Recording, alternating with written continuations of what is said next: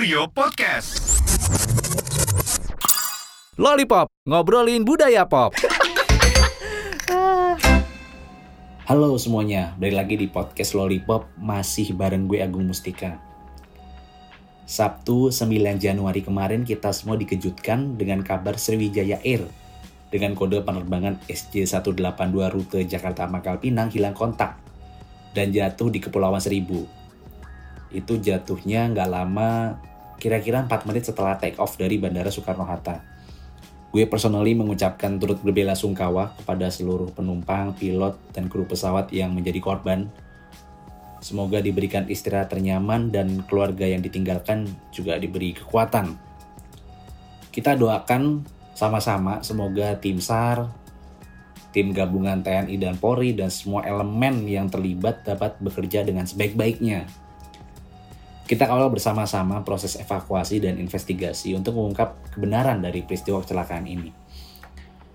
Selain gue sedih dan berduka gitu ya dengan kecelakaan Sriwijaya Air ini, gue juga sedih dengan banyak banget media online Indonesia yang justru apa ya nggak punya empati gitu dengan peristiwa ini. Ada yang nyangkutin gaji pilot Sriwijaya Air, ada yang mengaitkan Sriwijaya Air dengan Sriwijaya FC lah, terus soal baju nggak digosok pilotnya lah aduh. Bukan aja di panutan kenapa bikin berita katro gitu? Tapi gue juga nggak menutup mata bahwa mungkin mungkin bukan masalah wartawan yang nggak punya kreativitas atau insting jurnalistik.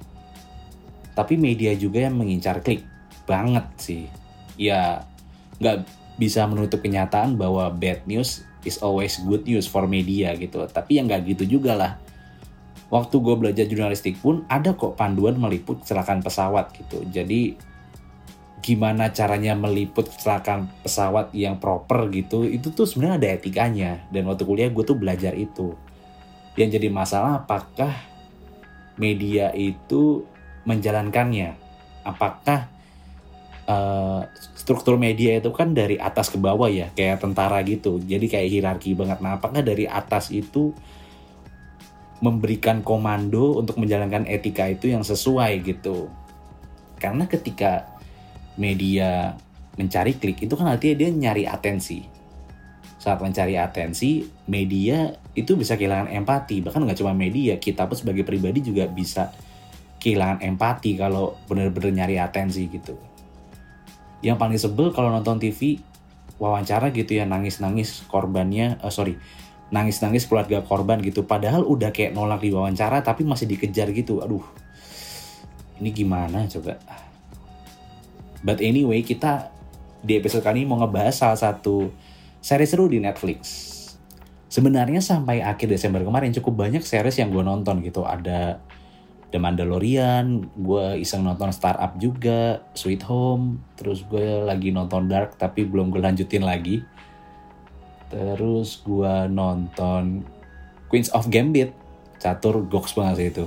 Kalian mesti nonton kalau misalnya nggak perlu paham catur, tapi kayak the way you think gitu loh yang menurut gue lu bisa belajar gitu dari series Queens of Gambit atau kalau pengen coba belajar catur sejujurnya gue tuh nggak bisa main catur loh men.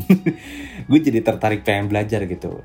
Nah di episode kali ini gue pengen bahas salah satu series asa Jepang yang udah rilis sebenarnya dari tahun lalu tapi baru kemarin-kemarin ini gue kelarin. Series Jepang yaitu Alice in Borderland. Ini series yang diadaptasi dari manga yang berjudul sama. Nah genrenya thriller. Jadi suatu hari orang-orang di Tokyo Jepang itu pada hilang dan langsung kehidupan di Tokyo itu langsung kayak game aja gitu. Jadi apa semua penduduk itu kayak nggak ada cuma tinggal beberapa orang doang. Nah untuk bertahan hidup di sana lu tuh mesti ikut gamenya. Kalau lu mau hidup gitu. Nah yang jadi masalah taruhannya itu nyawa men. Jadi lu kalau nggak mau ikut gamenya ya lu bisa mati. Karena masa hidup lo di saat game itu itu pakai visa namanya jadi kayak lu datang ke negara orang gitu nah gimana caranya nambah visa ya lo mesti ikutan game itu lo mesti main dan lo mesti menangin oke okay. Nah, gue nggak akan cerita terlalu detail soal jalan ceritanya, lo bisa tonton di Netflix. Tapi yang mau gue sorot adalah cara berpikir si karakter utama Ryohei Arisu ini yang diperankan oleh Kento Yamazaki. Sejujurnya gue baru pertama kali lihat dia acting gitu, karena gue juga to be honest nggak begitu merhatiin film Jepang gitu ya. Tapi series ini menarik sih kalau lo pengen mulai nonton gitu. Bagus banget. Kalau diceritanya Arisu ini dua bersaudara gitu ya di keluarganya, tapi Arisu ini ya madesu banget lah. Sama orang tuanya diremehin, sekolah nggak jelas, kuliahnya nggak tahu mau jurusan apa. Tapi punya hobi ngegame. Hobinya tuh main game di PC dan smartphone gitu.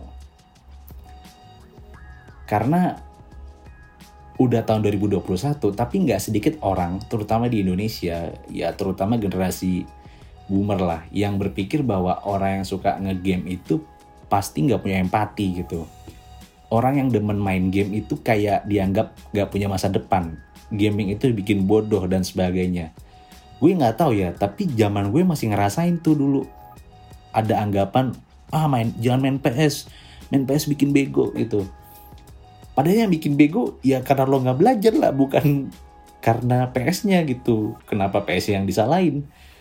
Si Arisu ini kan awalnya setim kan sama teman-temannya Cota dan Arube. Nah di tengah perjalanan dia ini ketemu juga sama Saori dan Usagi. Arisu boleh mania game, tapi hidup dalam game juga bukan perkara gampang gitu. Masalahnya taruhannya nyawa gitu, kayak lo bisa tiba-tiba di laser dari atas gitu, put gitu mati udah jadi kalau lo kalah ya udah die aja.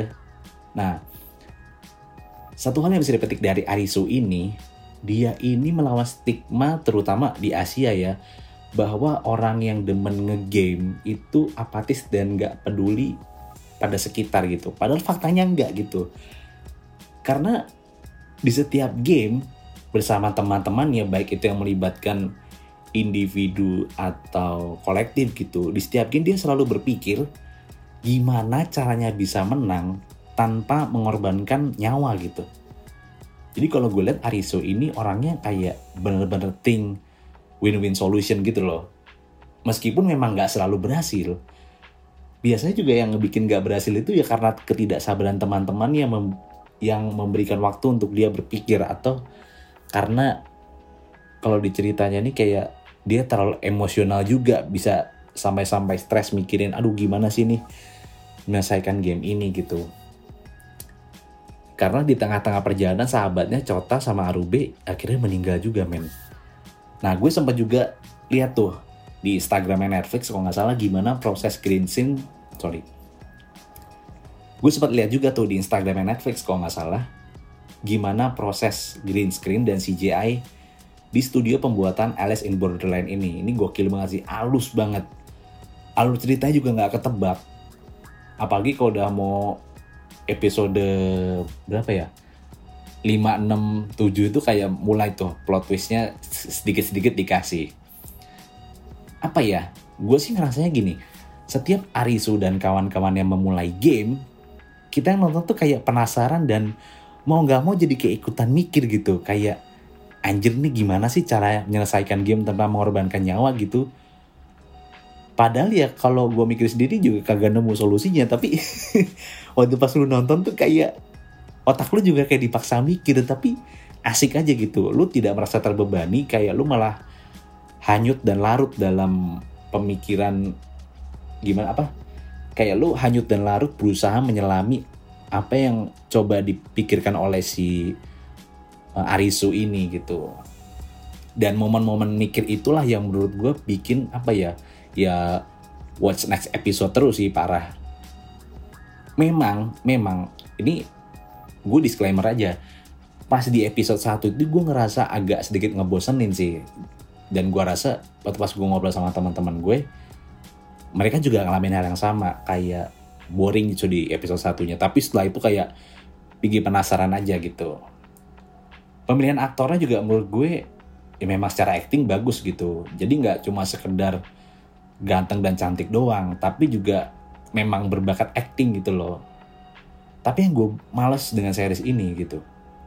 kayak kenapa sih harus ada season 2 gitu ini menurut gue aja harusnya kayak kelarin aja gitu season 1 season 1 tapi kayak kayak kayak drama gitu atau kayak series kayak sampai 15 18 you name it lah banyak banget kan biasanya kayak series tuh.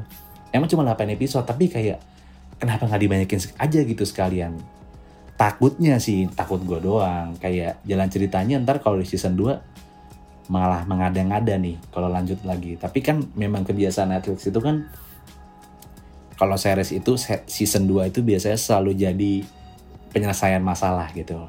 Nah kita nggak tahu nih besok bakal gimana. Kayak Money Heist kan tuh mulai season 3 udah makin ajaib dah jalan ceritanya. Kayak makin wah ini ngada-ngada banget ya apalagi 4 ya ampun. Oke, sekian dulu episode kali ini. Lo bisa nonton series Alice in Borderline ini di Netflix. Jangan lupa juga dengerin original podcast Kurio yang lainnya. Oke, see you on the next episode. Thank you.